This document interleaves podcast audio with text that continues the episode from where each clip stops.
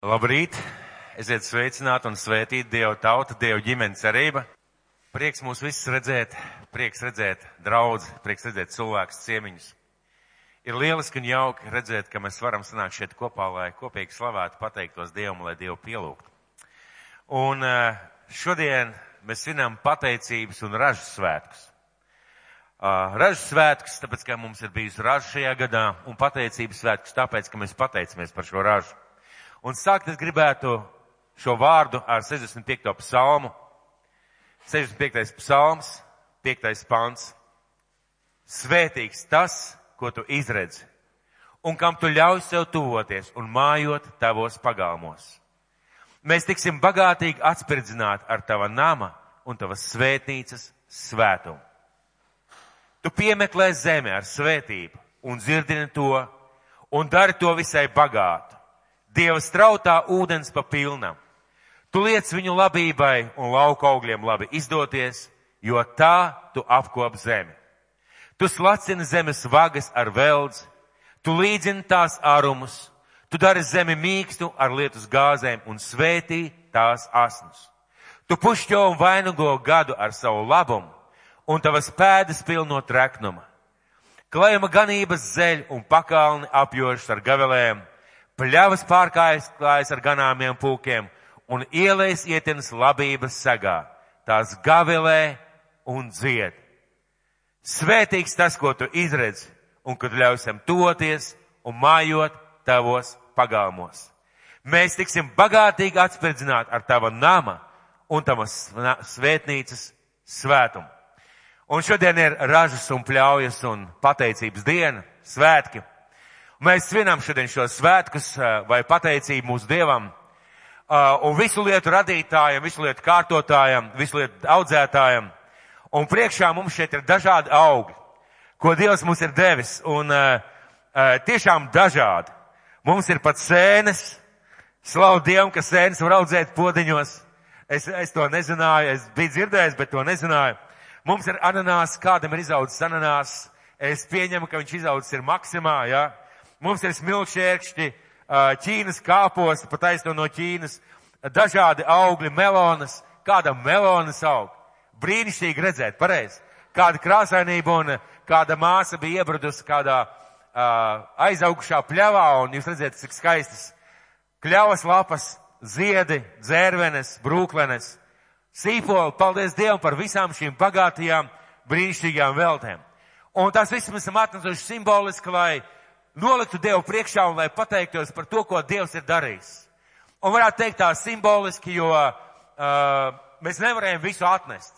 Būtu jocīgi, ja kāds būtu piebraucis, uh, teiksim, lauksaimnieks ar traktoru, iznesis visus kartupeļus šeit priekšā, kas viņam pagalmā, vai kāds būtu visu ābolu savu ražu sanesis, vai kādas citas lietas. Uh, vietas nepietikt, kurā vietā to visu salikt. Protams, tas simboliski, bet arī burtiski mēs esam atnesuši un ticiet vai neticiet lai šis ābols vai gurķis vai vienalga vai sīpols vai kāposts izaugtu, ir vajadzīga Dieva svētība. Ir vajadzīgs, lai Dievs svētī. Ir vajadzīgs, lai Dievs rūpējas, lai Dievs gadā, kā mēs lasījām šajā psalmā, ka Viņš ir tas, kurš dod zemē svētību un zeme izaudzē savus augļus un savus stādus. Un kāpēc mēs šodien svinam šos svētkus? Kāpēc mēs to svinam? Kāpēc mēs atceramies, ka šodien ir ražas svētki? Ar to mēs gribam pateikt, ar to mēs gribam apliecināt, ka visas svētības mūsu dzīvē ir no Dieva. Viss svētības mūsu dzīvē ir no Dieva. Un ir cilvēki, kuri varbūt nesaprot šo lietu, un daudziem cilvēkiem liekas tas it kā pats no sevis. Es iestādīju kabaci, iebāzu sēkliņu, es varbūt ravēju, laistīju, un viņš izauga it kā pats no sevis. Jā, izauga it kā pats no sevis, bet ja Dievs nebūtu devis šai sēkliņai šo dzīvību, ja Dievs nebūtu devis vajadzīgos laika apstākļus, ja Dievs nebūtu devis tev spējas ielikt šo sēkliņu un spēku apkopt un rūpēties, tad ak vai kas no tā viss sanāk. sanāk. Daudziem cilvēkiem liekas, es to vienkārši izdarīju un tas pats par sevi izaug. Ir cilvēki, kur domā, es strādāju, es nopelnīju, un loģiski man ir alga, loģiski man ir svētība, loģiski man ir finanses, un paldies Dievam, jo es tad pats sev esmu kungs un es pats visas lietas daru un cik es izdaru, tik man arī ir un uh, cilvēks priecājas par to. Bet līdz ko Dievs paņem projām savu svētījošo roku, līdz ko Dievs paņem projām kādus apstākļus, kas ir mums labvēlīgi, par kuriem mēs pat reizēm neaizdomājamies. Viss pēkšņi apraujās un cilvēks krīt panikā. Jo tas, ko viņš domāja loģiski atnākot, pēkšņi vairs neatnāk loģiski.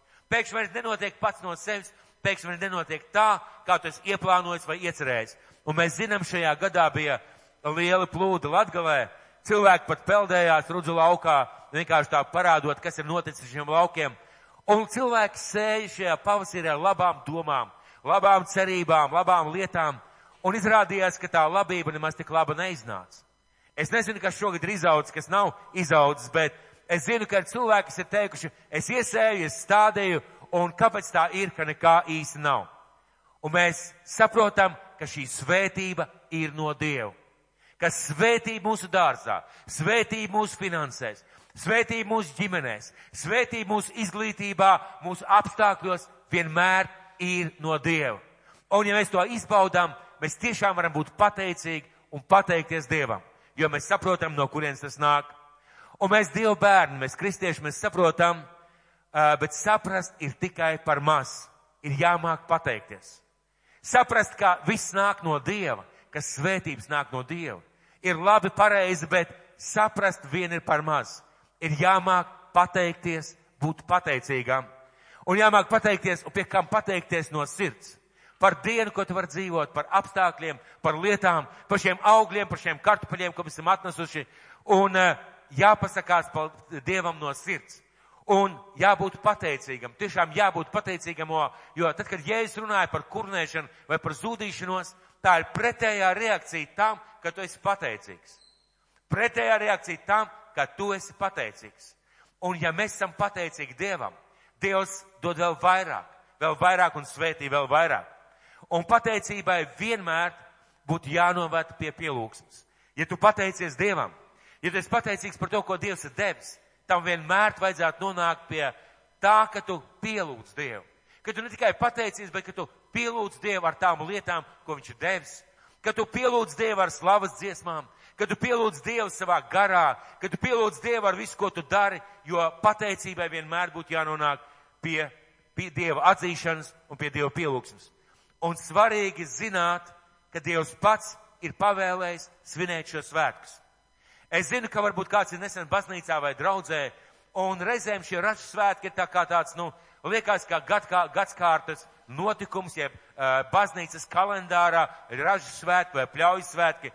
Mēs zinām, ka arī necīgi cilvēki svin ražu svētkus, un uh, Amerikā ir vesela pateicības diena, kad cilvēki padomā par to, par ko viņi ir pateicīgi, Uh, varbūt pielūdz Dievu kāds ar ticību, varbūt kāds vienkārši pateicās, bet svarīgi ir zināt un saprast, ka Dievs pats ir pavēlējis svinēt šos svētkus.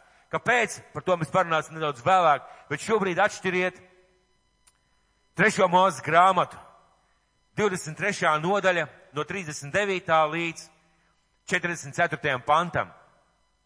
Trešā mūzes grāmata, 23. nodaļa no 39. līdz 44. pantam. Bet 15. dienā, 7. mēnesī, kas atbilst septembrim un oktobrim, kad jūs būsiet ievākuši zemes augļu ražu, jums būs svētītā kunga svētkus septiņas dienas, pirmajā dienā turiet atpūtas dienu, un astotajā dienā arī turiet sabatu. Dievs saka, ka tad, kad jūs būsiet ievākuši ražu, Tad uh, sviniet svētkus, pateicības svētkus, jeb ražu svētkus. Tas ir uh, pēc ebreju kalendāra septembris, oktobris. Un uh, Dievs saka, sviniet septiņas dienas, jeb astoņas dienas, un pirmajā dienā, lai jums ir sabats, un pēdējā dienā, lai jums ir sabats. Un pirmajā dienā ņemiet augļus no vislabākajiem kokiem, palmu zarus un zarus no kupli noaugušiem kokiem, no efratsu apses un jums būs tā kungs savu Dievu priekšā līksmoties septiņas dienas. Un šos svētkus jums būs svētīt tam kungam septiņas dienas gadā. Tas, lai ir mūžīgs nolikums jūsu cilšu ciltīm, septītajā mēnesī ir tie svētījami. Lūk, kāpēc mēs svinam nevis jūlijā, bet, uh, bet oktobrī.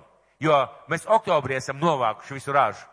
Un uh, droši vien, kā varbūt kaut kas kādam vēl ir palicis, uh, siens uz lauka vai, vai gurķi dobē vai tomāti varbūt vēl kādam palikuši, kas to lai zina, bet tāpēc mēs svinam šajā rudens mēnesī. Septiņas dienas jums būs dzīvot būdiņās, visiem, kas dzimuši Izrēlā, kā iedzimtie, tiem ir jādzīvo būdiņās. Jautājums, kāpēc? Tāpēc, lai jūsu pēcnākamās ciltis zinātu, ka Izraēla bērni ir dzīvojuši būdiņās, kad es tos izvedu no Ēģiptes zemes. Es tas kungs jūsu dievs, un Mūzes noteica Izraēla bērniem tā kunga svētītu, svē, svētku laiks. Šiem cilvēkiem bija Dieva pavēle svinēt svētkus. Mēs neesam ebreji tauta, varētu teikt, kāda mums daļa ar to, kā ebreji svinēja svētkus. Bet šiem svētkiem bija ļoti dziļa un ir ļoti dziļa nozīme.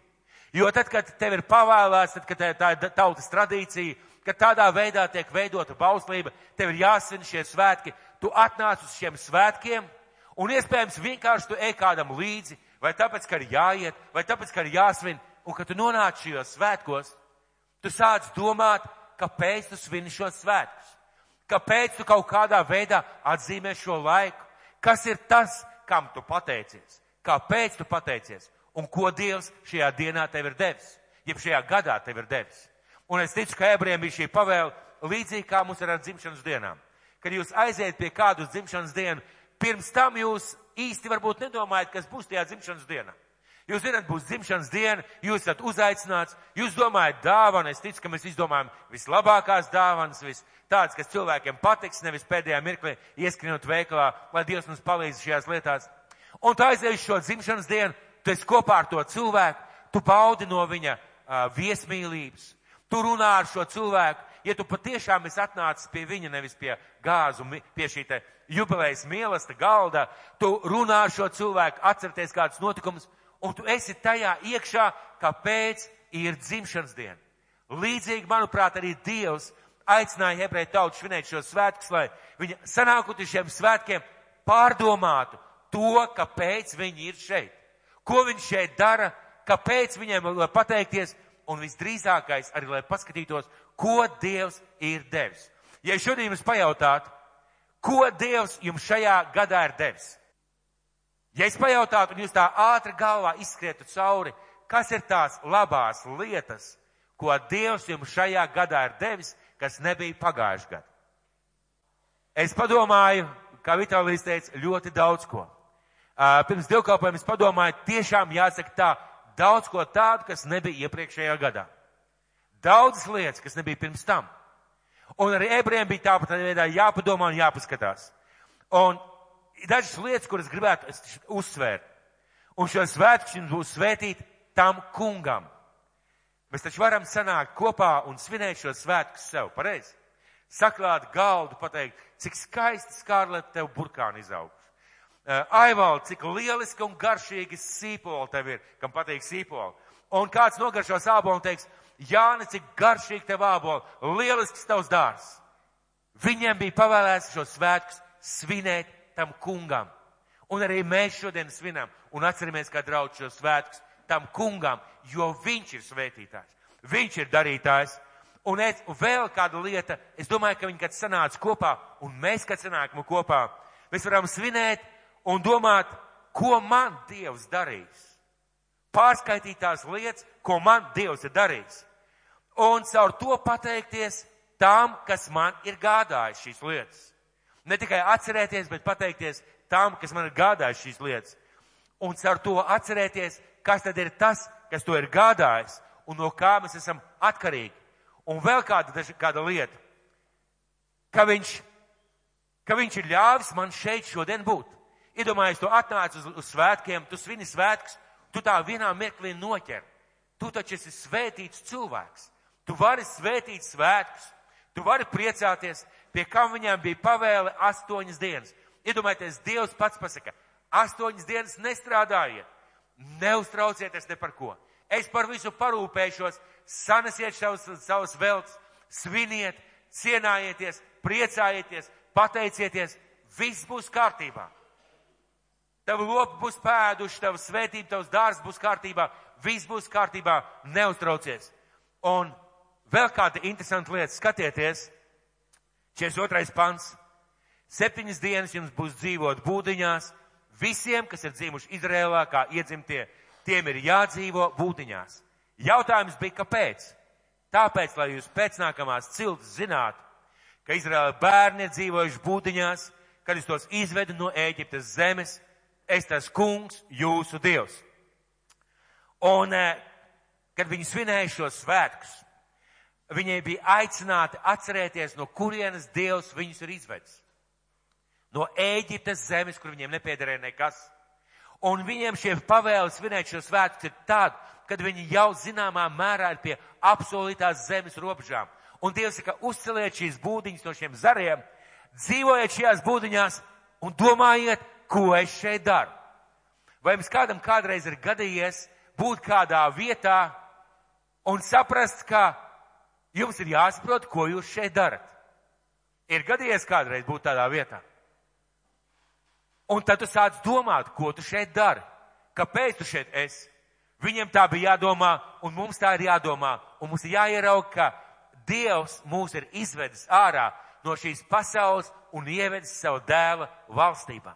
Ka mēs esam viņa bērni. Ka mums ne tikai šī raža, bet ka mums ir svētība no Dieva, kā viņš pats ir mūsu kungs un glābējs. Un caur to visu mācīties staigāt Dievu priekšā. Vai, š, vai šī gada atcerēšanās un pateicības svinēšana un pielūgsme kādreiz beigsies? Vai šāda pateicība un pielūgsme kādreiz beigsies? Kā jūs domājat, vai beigsies kādreiz ražas svētki? Vai beigsies kādreiz ražas svētki? Kāpēc jūs tā domājat? Kāpēc jūs domājat, ka nebeigsies ražas svētki? Tāpēc, ka vienmēr būs burkāni, ko, ko nest pareizi. Vienmēr būs me, oktobra mēnesis. Vienmēr mājās būs kaut kāda medus burciņa, ko varētu atnest. Un draudzē vienmēr svinēs. Tāpēc mēs domājam, ka vienmēr svinēsim. Es gribu jums parādīt kādu vietu.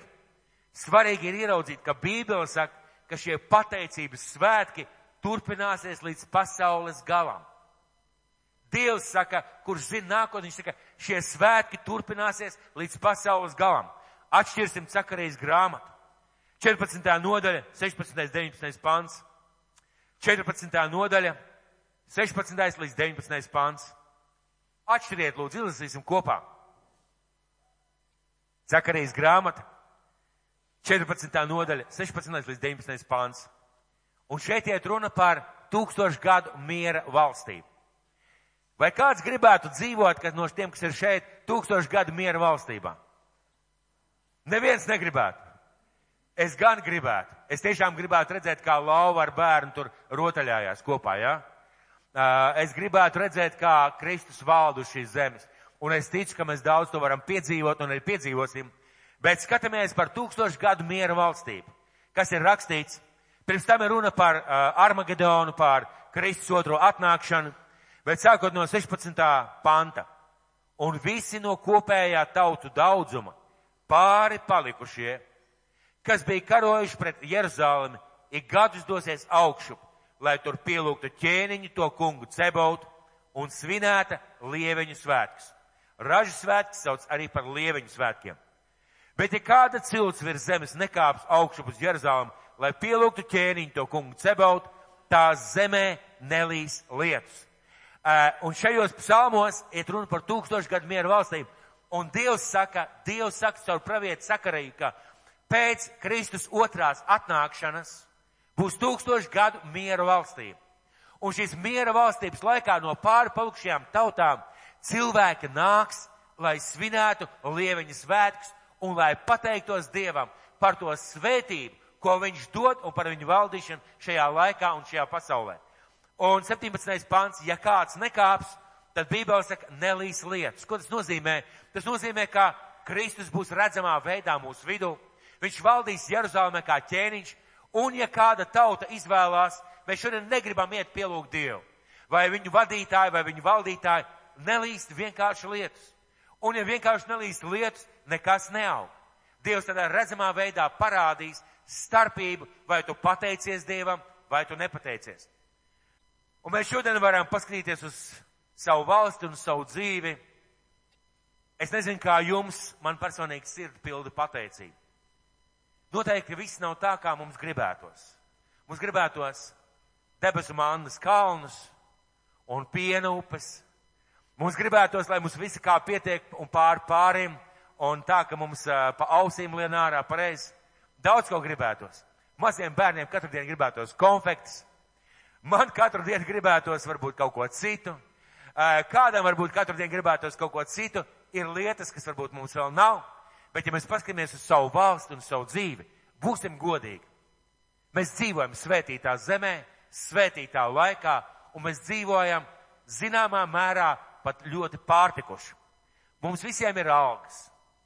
Tiem, kas strādā, ir algas, lielāks vai mazāks, bet viņas ir. Mums daudziem ir pensijas.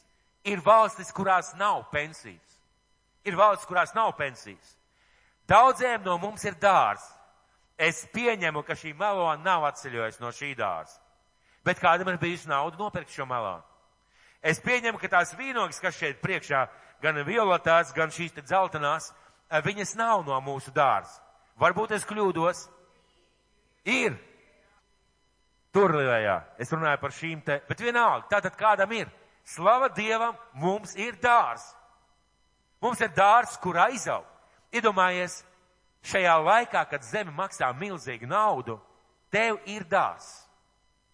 Vienkārši tev ir dārs, kur tu vari iebakstīt savu sēklu un kaut ko izaudzēt. Tev ir vīnoglājs. Tu vari ēst no vīnogām, tev izaug vīnogs. Vai tā nav svētība? Kādam šajā gadā ir pagājis viens mācību gads un bijis apmēram tā, fu, beidzot, skola ir beigusies. Cik skaisti sākās studenta dzīve. Kāds šajā gadā ir kļuvis pieaugušāks? Ir bērni, kuri šajā gadā ir kļuvuši pieaugušāki, un viņi var dzīvot no tā, ka nu jau viņi ir lielāki. Kāds šajā gadā ir atradis otro pusīti? Pagājušajā gadā nebija, šajā gadā ir jau otrā pusīte. Kāds šajā gadā ir aprecējies? Vai tā nav svētība?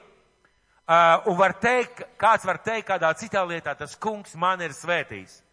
Un mēs tiešām varam būt pateicīgi, mīļie. Mēs dzīvojam laikā un vietā un zemē un valstī, kurā ir daudz lietas, kurās citās valstīs nemaz nav. Mēs zinām par bēgļiem, mēs zinām par īriju, par, par šo te, par, par, par Irānu, mēs zinām par šīm valstīm, mēs zinām par Ķīnu, par daudzām, daudzām zemēm, kurās cilvēki mirst badā. Āfrikā bērni un cilvēki mirst badā. Vieniem dēļ viņiem nav tas, ko mēs baudām. Un tad, kad mēs kurnām, mēs zināmā mērā esam ļoti nepateicīgi Dievam. Tāpēc slaudiem un būsim pateicīgi. Bet es šajā pateicības dienā un šajos svētkos gribētu runāt par vēl kādu, par vēl kādām svētībām, ko debes tēvs, jēzus un svētais gars mums ir devis un grib dot vēl bagātīgāk. Es vēlreiz gribētu uzsvērt, mēs esam pateicīgi par to, kas mums ir. Par dienišķo maizi, par pensijām, par algām, par sociālo apdrošināšanu, par iespēju iet skolā bērniem, par iespēju aiziet pie ārsta, par dažādām lietām. Mēs esam pateicīgi, mēs pateicamies Dievam par visām šīm svētībām. Par visu mēs tiešām pateicamies. Bet ir vēl kāda svētība, par kuru es domāju, mums būtu daudz vairāk jāmeklē, daudz vairāk jāpateicās, un kuru Dievs daudz, daudz vairāk gribētu izliet uz mūsu dzīvēm. Kas ir vislielākā raža no tā kunga, ko viņš dod? Kas ir vislielākā raža, vislielākā svētība, ko tas kungs mums katram dod? Kas tas ir? es pieliktu veselību klāt pie visām šīm lietām. Kas tas ir? Patiesībā vislielākā raža, vislielākā svētība, ko tas kungs mums dod un grib dot. Ticība. Slavu Dievam. Mīlestība. Garīgās lietas, pareizi. Es šodien gribētu nedaudz, nedaudz savādāk paskatīties. Un lielākā svētība, ko mēs varam no Dieva piedzīvot, nav šis materiālais, taustāmais, bet gan tā raža, kas atnāk mūsu garā. Ne tas materiālais, tas taustāmais, tas, ko mēs varam izdarīt vai tas, ko varam piedzīvot, bet tā raža, tā bagātība, kas atnāk mūsu garā. Viņš pats, kad mēs viņu kaut kādā sfērā iepazīstam un piedzīvojam, vārds, kas mums atklājās. Vārds, kuru mēs piedzīvojam kā vārdu priekš mums personīgi dzīvē. Atklāsmes, ko mēs piedzīvojam. Vārds, kas izmaina mūsu dzīvi.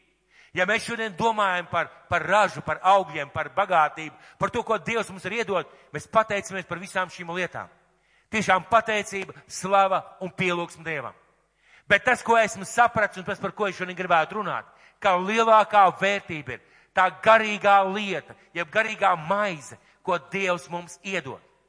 Tās atklāsmes, kas izmaina tavu dzīvi, kad tu pēkšņi saproti Dievu kaut kādā sfērā, kad tu pēkšņi saproti, ko Dievs grib izdarīt tavā dzīvē, kad tu pēkšņi satver atklāsmi, kas atnāk kā dzirkstelīte, kā brīnums, kā dzirkstelīte, kā brīnums. Un Jēzus skaidri nodefinēja Mateja evaņģēlijā, atšķiriet Mateja evaņģēliju, Mateja evaņģēliju atšķiriet ceturto nodaļu, trešais, ceturtais pants. Mateja evaņģēlijas ceturtā nodaļa, ceturtais, trešais un ceturtais pants. Atšķiriet lūdzu kopā ar mani. Lai mēs saprastu, par ko šobrīd iet runā, varbūt es pieņemu, ka varbūt ne visi ir šobrīd satvēruši. Trešais, ceturtais pants. Un kārtinātājs piestāja pie viņu un sacīja, ja tu esi Dieva dēls, tad saka, lai šie akmeņi to par maizi. Bet viņš atbildēja un stacīja, stāv rakstīts, cilvēks nedzīvo no maizes vien, bet no katra vārda, kas iziet no Dieva mutes. Ko šeit Jēzus pateica? Ko šeit Jēzus pateica? Jēzus šeit pateica, ka cilvēks nedzīvo no maizes vien. Ka cilvēks nedzīvo no tā, un šajā gadījumā Sātans teica, uztaisi maizi un pabaro sevi. Šajā gadījumā Vēlns mums varētu teikt, lūdziet, lai Dievs dod tikai materiālā svētību, lai jums ir vairāk, lai jums ir vairāk, lai jums ir labāk, labāka veselība, viss pārējais. Tas ir vajadzīgs. Bet, ja es saku, cilvēks nedzīvo no šīm lietām vien, tās ir vajadzīgs. Bet vairāk par visu jums ir vajadzīgs iekšējais cilvēks, vārds, kas atnāk no Dieva tieši tavā dzīvē. Jo tev var piederēt šis te viss un vēl daudz vairāk. Bet tu vari meklēt cilpu, kur uzlikt sev kaklā. Te var būt bankā konts, bet tu vari būt visnelaimīgākais un vientuļākais cilvēks. Tev, tu vari iet draudzē, tu vari apmeklēt labu dievkalpojumu, tev var būt brīnišķīgas lietas, bet ja Dieva vārds uz tevi nerunā, ja tu nesaņem atklāsmi savā dzīvē, ja tu vienkārši sēdi, klausies Dieva vārdu un nekas tevi neaizskar, nekas tavā dzīvē nemainās. Un Jēzus teica, lielākā bagātība, vairāk par dienišķo maizi, vairāk par augļiem, vairāk par visām lietām. Domājiet par šo ražu savā dzīvē. Par tām lietām, kas atnāk mūsu garā. Ko tas nozīmē? Ko Dieva dēls ar to domāja? Vajag dienišķo maizi. Bet tā izrādās ir piemetamā daļa. Svarīgāk ir piedzīvot Kristu pašu Saki man lūdzu, ja šodien tev palūgtu nolikt šeit uz skatuves garīgā veidā, kādā veidā tu esi Kristu šai gadā piedzīvojis? Tā kā nebija iepriekšējā gada.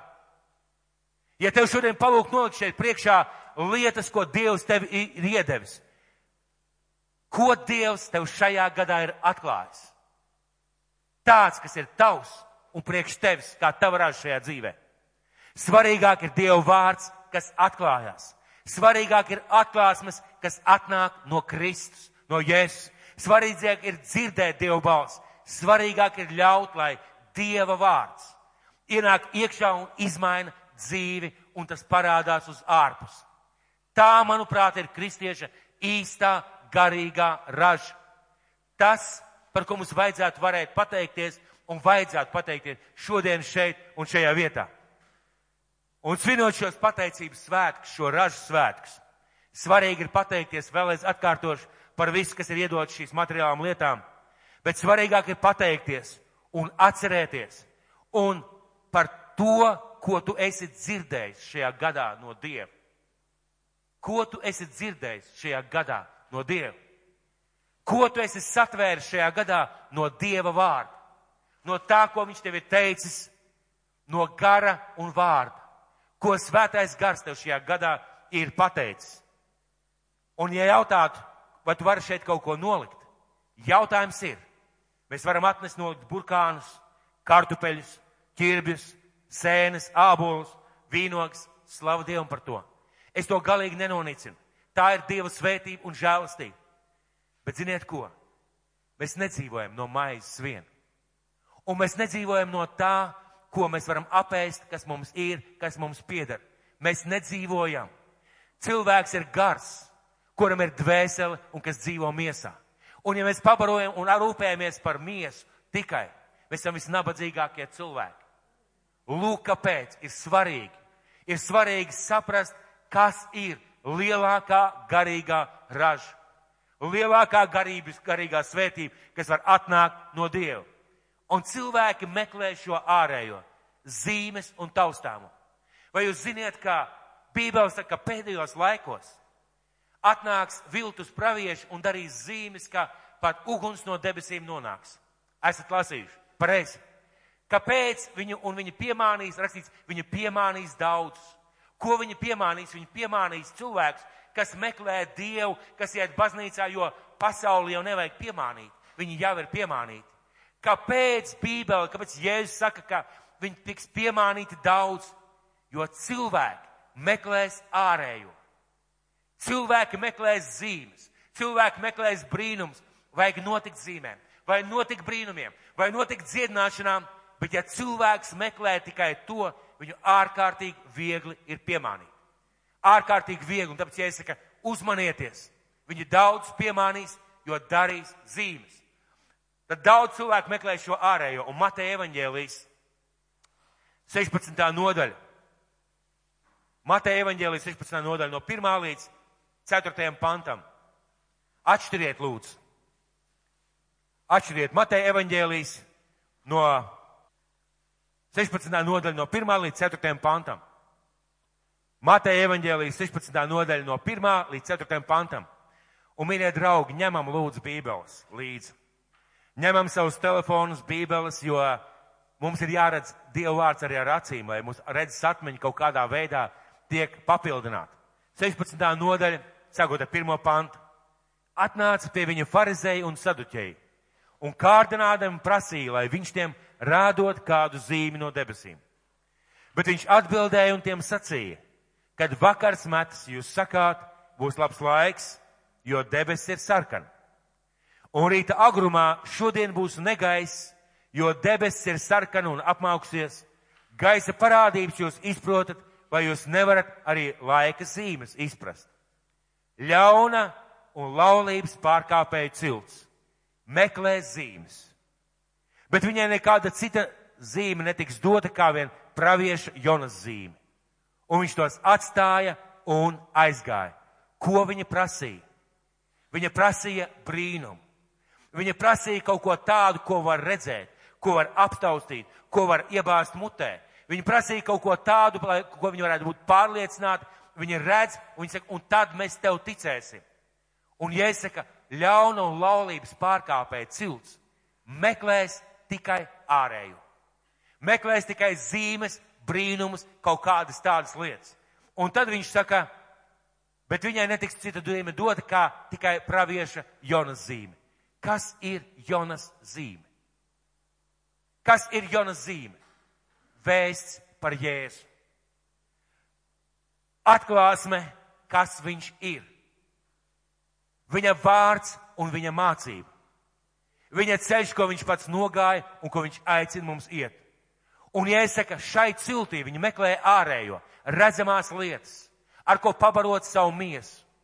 Bet tas, kas jums ir vajadzīgs, šai paudzei cita zīme netiks dot kā pravieša Jonas zīme. Tas nozīmē Kristus pats mācība, atklāsmes, lietas, kuras dos Kristus, lai šie cilvēki iedzīvot kaut ko vairāk. Un Jēzus saka šiem cilvēkiem, jūs gribat ārējo, materiālo, bet jums jāmācās pārtikt ne no redzamā, bet no garīgā. Jums jāmācās pārtikt ne no redzamā, bet no garīgā, no vārda, no atklāsmēm, no tā, ko gars saka, no draudzības ar Dievu. Jums jāmācās pārtikt no tām gara lietām, Tās ir lietas, kas atnāk no manis, kas ir pārākas par šo materiālo, par šīm redzamajām lietām. Pārāks. Pie kam ne, ne vienkārši izlasīt vārdu. Es zinu, ka daudz cilvēku burtiski kolekcionē Bībeles pantus. Es izlasīju tādu nodaļu, es izlasīju tādu nodaļu, es izlasīju to grāmatu. Lieliski, ka tu izlasīji, labi, brīnišķīgi. Ko tu saprati? Ko tu satvēri no šī panta? Ko tu piedzīvoji caur šo pantu? kas atnāca tavā garā. Un Jēsaka, mums jāmācās pārtikt no vārda, kas pārtop par atklāsmi. Mums jāmācās pārtikt no vārda, kas atnāk, kā pārtop par atklāsmi. Priekš manis, priekš tevis, priekš katra. Ko tas nozīmē? Tas nozīmē, ka, ja tu šajā gadā esi saņēmis kādas lietas, kurās svētais gars ir runājis par tevi, tev atklājas kaut ko. Vārds tev ir mainījis. Vārds kaut ko izmainījis tavā dzīvē. Tā ir tā īstā raža, ko mums vajadzētu atnest kā pateicību Dievam. Jo tieši tas izmaina mūsu dzīvi. Un tieši no tā mēs dzīvojam, tieši no tā mēs pārtniekam. Un šodien daudz cilvēku meklē zīmes, brīnumus, labklājību, labas lietas. Dievs nav pret to. Bet ja šodien Kristus būtu šeit, esmu pārliecināts, viņš teikt, Lieliski jums tas izaug. Lieliski jūs varētu atnest. Lieliski jūs esat pateicīgi. Bet sakiet man, vai jūs esat dzirdējuši, ko es jums esmu teicis? Vai jūs esat satvēruši, ko es katram personīgi gribēju pateikt? Vai tas vārds, ko tu lasīji, pārtapa par atklāsmi tavā dzīvē? Vai tu kaut drusiņi iemācījies vairāk staigāt garā? dzirdot svētā gara balsi. Ko nozīmē atklāsme? Es jums minēšu kādu piemēru. Kristīgā rādio izskanēja kādu liecību, kāds puisis, kurš bijis meklējumos dažādās lietās un meklējis visādus uh, ceļus un mēģinājis saprast Dievu un izprast Dievu. Iespējams, ka kaut ko nedaudz sajaukšu dzirdēju tādā versijā. Viņš tad gājis pa Āgenskalnu. Un uz kādas namas, namā, virs kāda nama durvīm, esot bijis rakstīts, Jēzus ir kungs. Un tā bija viņa liecība. Caur šiem vārdiem es saņēmu atklāsmi. Jēzus ir kungs. Lūk, kas man ir vajadzīgs. Un tas ir tas, par ko es šodien runāju, ka svētais gars runā uz mums un ka viņš izmaina mūs, izmaina mūsu domas, lietas un prātu. Un tā ir tā raža, tā ir tā bagātība, kas mums būtu jāpēc, kuras mums būtu jādzenās. Jāņa evaņģēlijas, sestā nodaļa. Es gribētu vēl kādu lietu atšķirt. Jāņa evaņģēlijas, sestā nodaļa. 30. 33. pants. Jāņa evaņģēlijas, sestā nodaļa. 30. 33. pants. Atšķiriet kopā ar mani. Tad tie sacīja viņiem, kādu zīmi tu rādi, lai mēs to redzēdam, tev ticam. Ko tu darīsi? Atkal šie cilvēki gribēja redzēt kādu ārīgu zīmi. Mūsu tēvi ir mannu ēduši tuksnesī, kā ir rakstīts, viņš tiem devis ēst maizi no debesīm. Un viņi saka, mūsu tēvi tika pabaroti ar kartupeļiem, vīnogām, āboliem, sēnēm, tomātiem. Mūsu tēvi ēda, parāda mums zīmi arī, ka tu esi no Dieva, jo tas ir tas, ko mēs gaidām no Dieva. Tās ir lietas, ko mēs gaidām no Dieva. Un lūk, ko Jēzus viņiem atbild.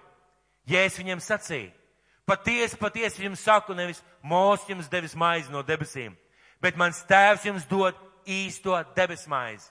Jo dieva maize ir tā, kas nāk no debesīm un pasaulē dod dzīvību. Ko šeit Jēzus pasaka?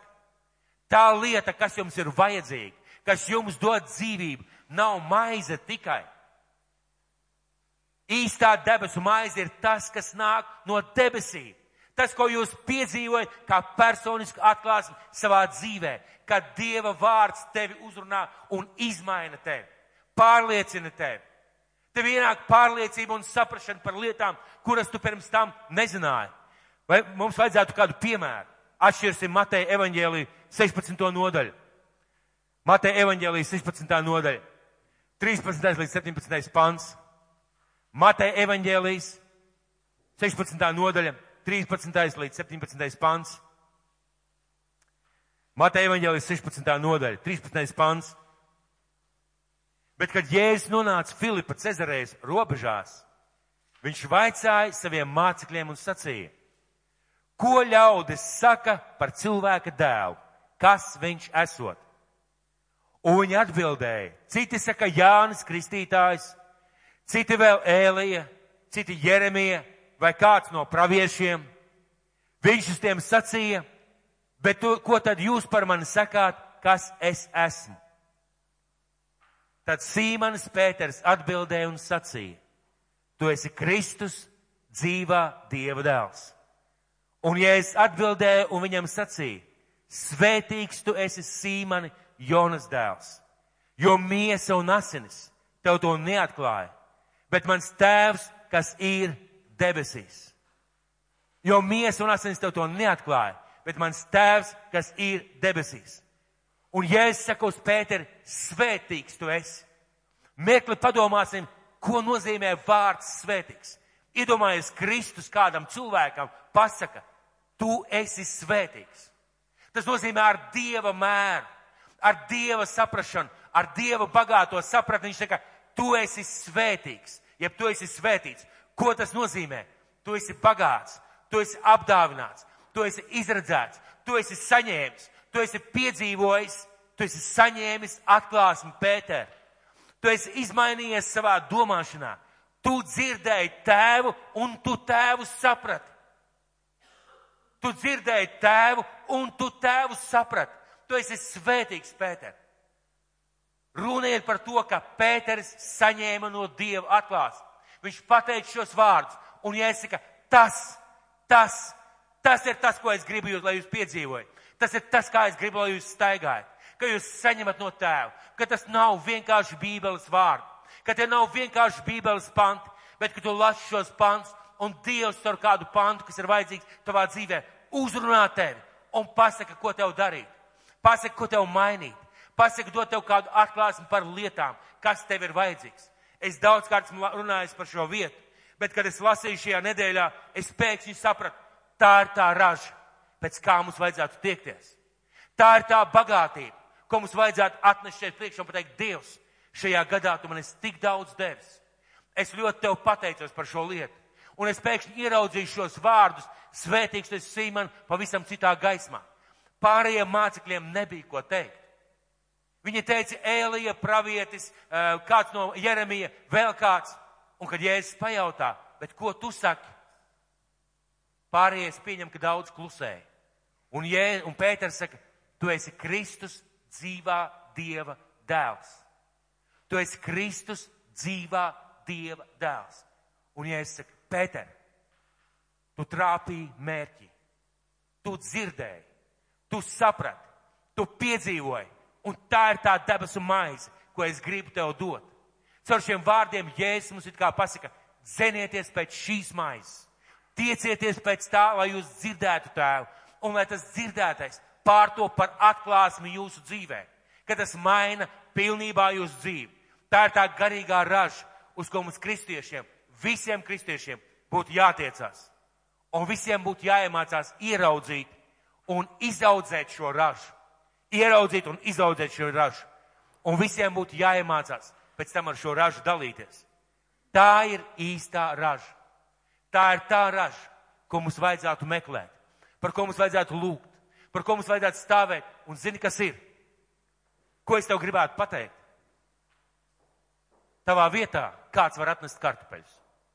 Es varu piezvanīt Ilonai, Ilona, uztaisi manā vietā saldo. Es tev par to samaksāšu. E, es varu pateikt Kristapam, Kristap, atnes no mūsu mājām ābolus, izpalīdz mums tur pagrabā stāv. Bet to ražu, šīs atklāsmes, to, ko tu esi saņēmis no Dieva, To var saņemt tikai tu pats. To var iznest tikai tu pats. To var saprast tikai tu pats. Un tas izmaina tikai tevi. Bet tad, kad tev ir šīs lietas, tu atnāc šeit, noliec, un tu saproti, Kristus ir pa īstam. Kristus ir reāls, viņš ir dzīves, viņš ir patiesas. Tās reizes, tās reizes, un viņas bija pietiekoši daudz, es pateicos Dievam, kad es esmu garā redzējis par lietām, un viņas piepildās.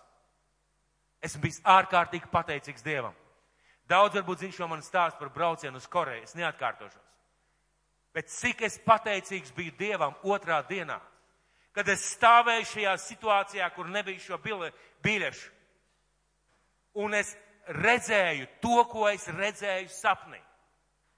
Man nebija ne mazākās rūgtuma par to, ka es nebraucu, bet sirdi pildīja pateicību, jo es sapratu, Dievs ir runājis un es esmu dzirdējis.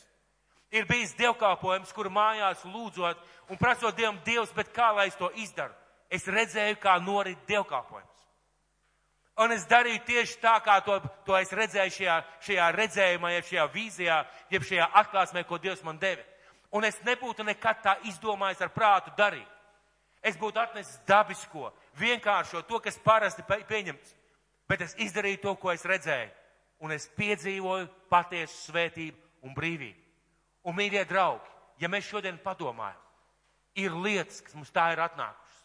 Ir lietas, ko mēs tā esam piedzīvojuši, sapratuši. Un tas ir tas, par ko Kristus saka. Tā ir tā debesu maize. Paldies Dievam par burkāniem. Paldies Dievam par tomātiem.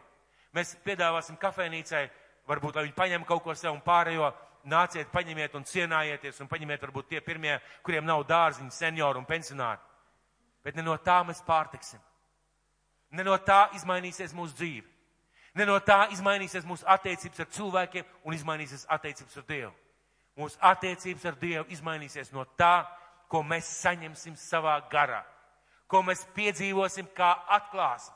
Ka tev neviens vairs nav jāpārliecina, nevienam tev nav jāpārliecina. Tu esi saņēmis un tu zini, tas ir tavs. Un ja es saku, tā ir īstā garīgā raža. Jautājums, vai tas var nebūt cilvēku dzīvē? Es negribu minēt nevienu par piemēru. Es minēšu Bībeli. Es minēšu Bībeli, jo ir tiešām jāsaprot, ka mēs varam būt draudzē. Mēs varam būt draudzē daudzus gadus, un tā arī neiemācīties dzirdēt Dieva balsi. Tā arī nekad nepiedzīvot, ka šī dzīvā, reālā maize ienāk mūsu dzīvē, kas pabaro mūsu garu un dod lietu, ko sauc par mūžīgo dzīvību nākotnē. Vai tā var nebūt? Pirmā Samuēla grāmata. Atšķiriet pirmo Samuēla grāmatu.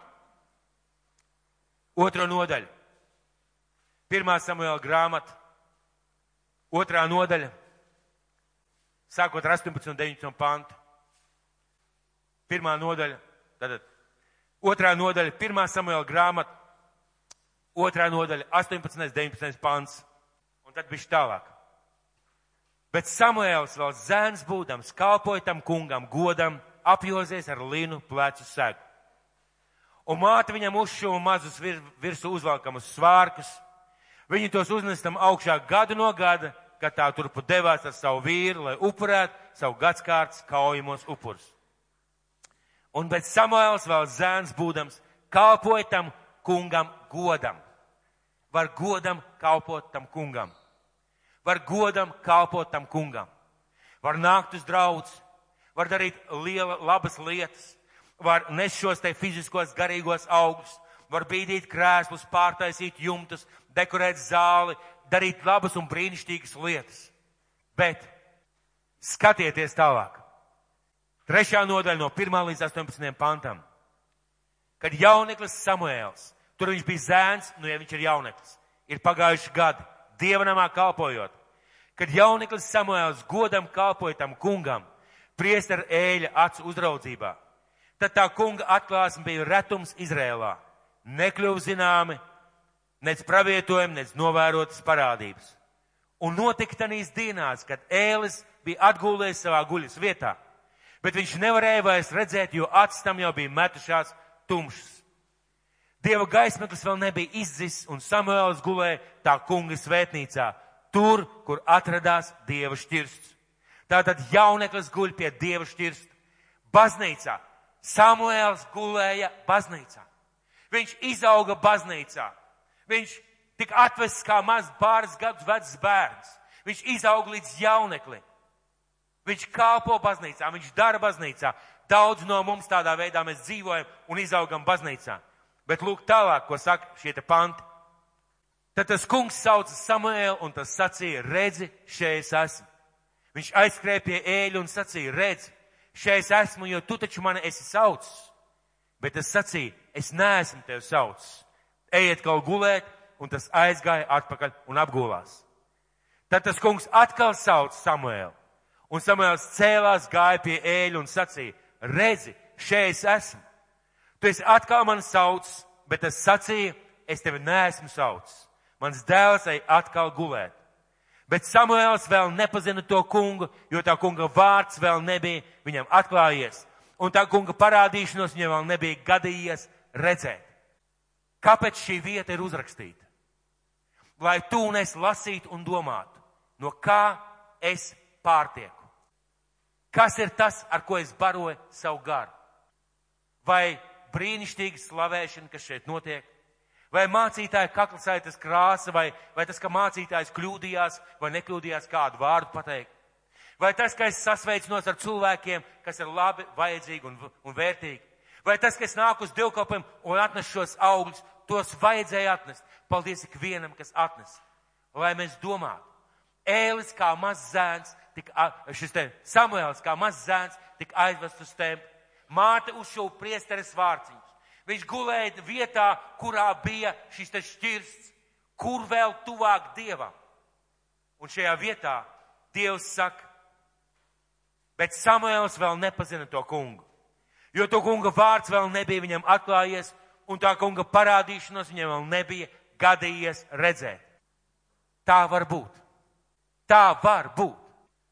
Jo, ja mēs redzam cilvēkus draudzē, kur dzīves nav, nav mainījušās, kuri varbūt ir uzauguši pat baznīcā no maziem bērniem, uzauguši baznīcā, sākuši iet baznīcā, tā var būt, ka tu vēl neesi iemācījies dzirdēt tā kunga balss. Vai viņš grib tev mācīt? Neapšaubām. Bet varbūt ir kaut kas tāds, kas traucē. Un visbiežāk kungs rādi mums zīmi dot kaut ko taustām, lai es labi jūtos, lai manā dzīvē viss ir kārtībā, lai manā dzīvē viss ir sakārtots, lai man ir finanses, nauda, veselība. Tas viss ir vajadzīgs. Tas viss mīļā ir vajadzīgs un Dievs to dod. Bet tas, ko viņš vairāk par visām šīm lietām vēlās, lai tu dzirdētu viņa balsi. Un kad tu esi dzirdējis viņa balsi, lai tas kļūst par tavu personīgo atklāsmi, kas izmaina tavu dzīvi, izmaina tavu prātu, un izmaina tavu domāšanu. Tad tas kungs nostājās un sauc. Tad tas kungs sacīja Samuēlam, redz, es izdarīšu ko tādu Izrēlā, kas visiem, kas vien to dzirdēs, abās ausīs skanēs. Vai mēs saprotam, par ko ir runa? Un manuprāt, tā ir īstā garīgā raža, kas mums būtu jāmeklē. Īstā garīgā vērtība, kas mums būtu jāprasa Kristu. Īstās lietas, pēc kurām mums būtu jādzinās. Bet, ziniet, lai burkānu iestādītu, ir jāpieliek fizisks pūles, jāieliek sēkla, jāsagatavo zeme, jāprušina, jāizravē, jāizvelk ārā, lai mēs saņemtu no Dieva, ir jāpieliek garīgs pūles. Tev ir jāgrib dzirdēt Dievu balsi. Tev ir jāgrib saņemt atklāsmes. Tev ir jāgrib darīt lietas, ja piedzīvot lietas, ko Dievs grib tev iedot. Tas nozīmē, ka tev ir jāilgojas pēc tā. Un Dievs atnāks un runās. Un, mīļie draugi, ja īsti nav šo atklāsmu tavā dzīvē, nevaino Dievu. Un nevaino sevi. Nevaino Dievu un nevaino sevi. Varbūt līdz šim tu esi domājis tieši tāpat, kā šie cilvēki saka, atnāk pie Kristus, saka, Jēzu, rādi mums zīmi. Tad mēs tev ticēsim. Dari, ka esmu vesels, Dari, ka man visam pietiek, dari, ka man dzīvē viss veicās, dari, ka man viss dzīvē sanāk, dari šīs lietas, ka viss ir sakārtots, un tad es tev ticēšu. Un, ja es saku, mācies pārtikt no garīgā, nevis no dienišķā, bet mācies pārtikt no garīgā. Un domā par to nākošajā gadā. Tagad ir ražas svētki. Domā par to nākošajā gadā. Ja es šodien paaicinātu, Ja es šodien aicinātu, ja es nokāptu šeit no skatuves un aicinātu visi, kuram šajā gadā ir atklājies tā kunga vārds, un ir kādas lietas, ko jūs saņēmuši kā atklāsmi, kur jūs varat pateikt, tas kungs man to atklāja, lai jūs atnākat un nolikt šeit uz šīs skatuves. Cik mēs tādu būtu? Un šeit neiet runa par to, ka jāvaino sevi vai jāvaino Dievu. Vienkārši pēc tā ir jāmeklē, pēc tā ir jālūdz un pēc tā ir jāsauc. Pēc tā jāmeklē, jālūdz un jāsauc. Gatavo savu augstu. Es pāris svētdienas atpakaļ runāju par augstu. Gatavo savu augstu. Tīri savu sirdi ārā no daļiem, no ērkšķiem, no akmeņiem. Uzdara savu, savus augstu savu sirds augsmi, lai tu būtu gatavs dzirdēt, kad viņš iemet šo sēklu. Ļauj vārdam nākt tavā dzīvē, lasi vārdu, pārdomā vārdu. Nevis vienkārši izlasi kā kolekcija, bet pārdomā vārdu.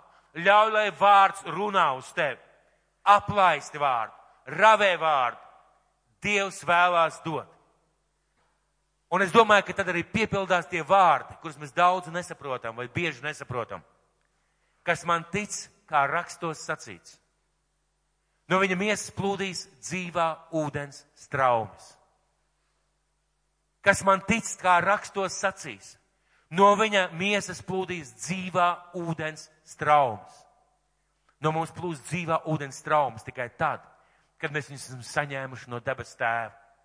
Kad Kristus mums ir atklājis, kad Kristus mums ir iedevis, kad tu vari padalīties ar kādu cilvēku, ar atklāsmu, ar lietu, ar pārliecību, kas ir daudz vairāk par šo materiālo un taustāmo. Tā ir tā dzīvā maize, kas nākus no debesīm. Lai Dievs, lai Dievs tiešām svētī, ka šajos ražu svētkos mēs varam būt pateicīgi par to, ko Dievs ir darījis, devis.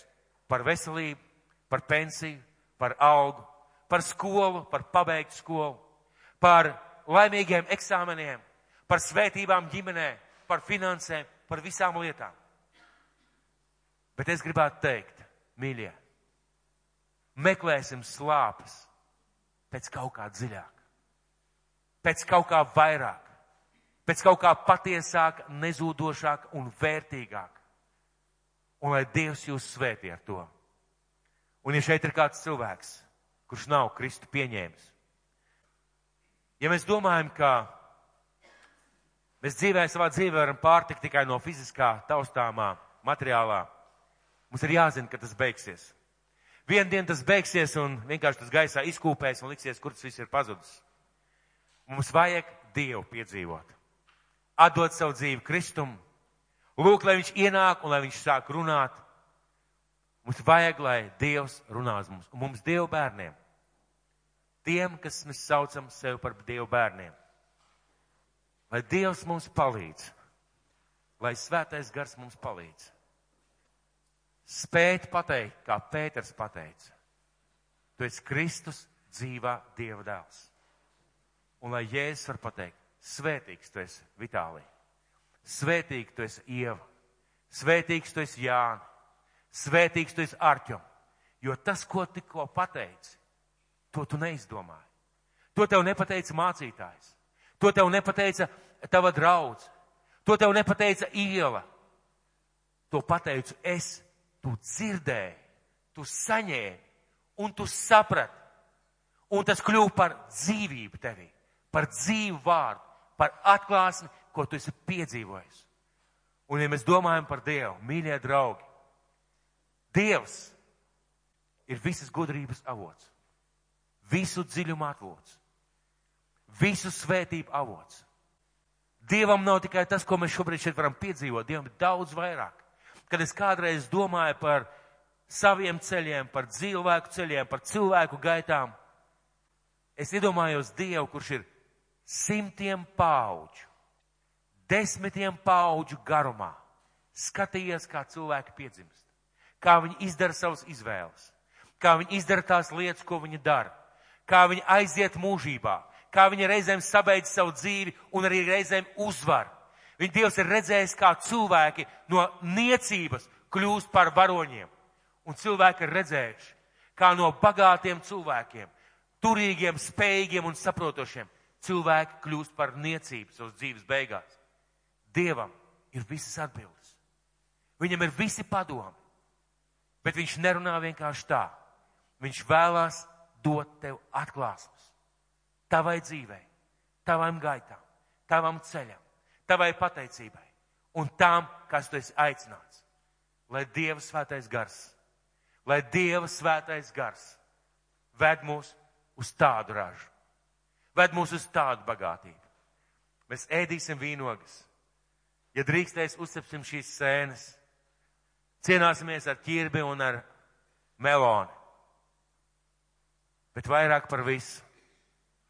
Vairāk par visu, vismaz es personīgi vēlos, un es domāju, ka jūs visi vēlaties.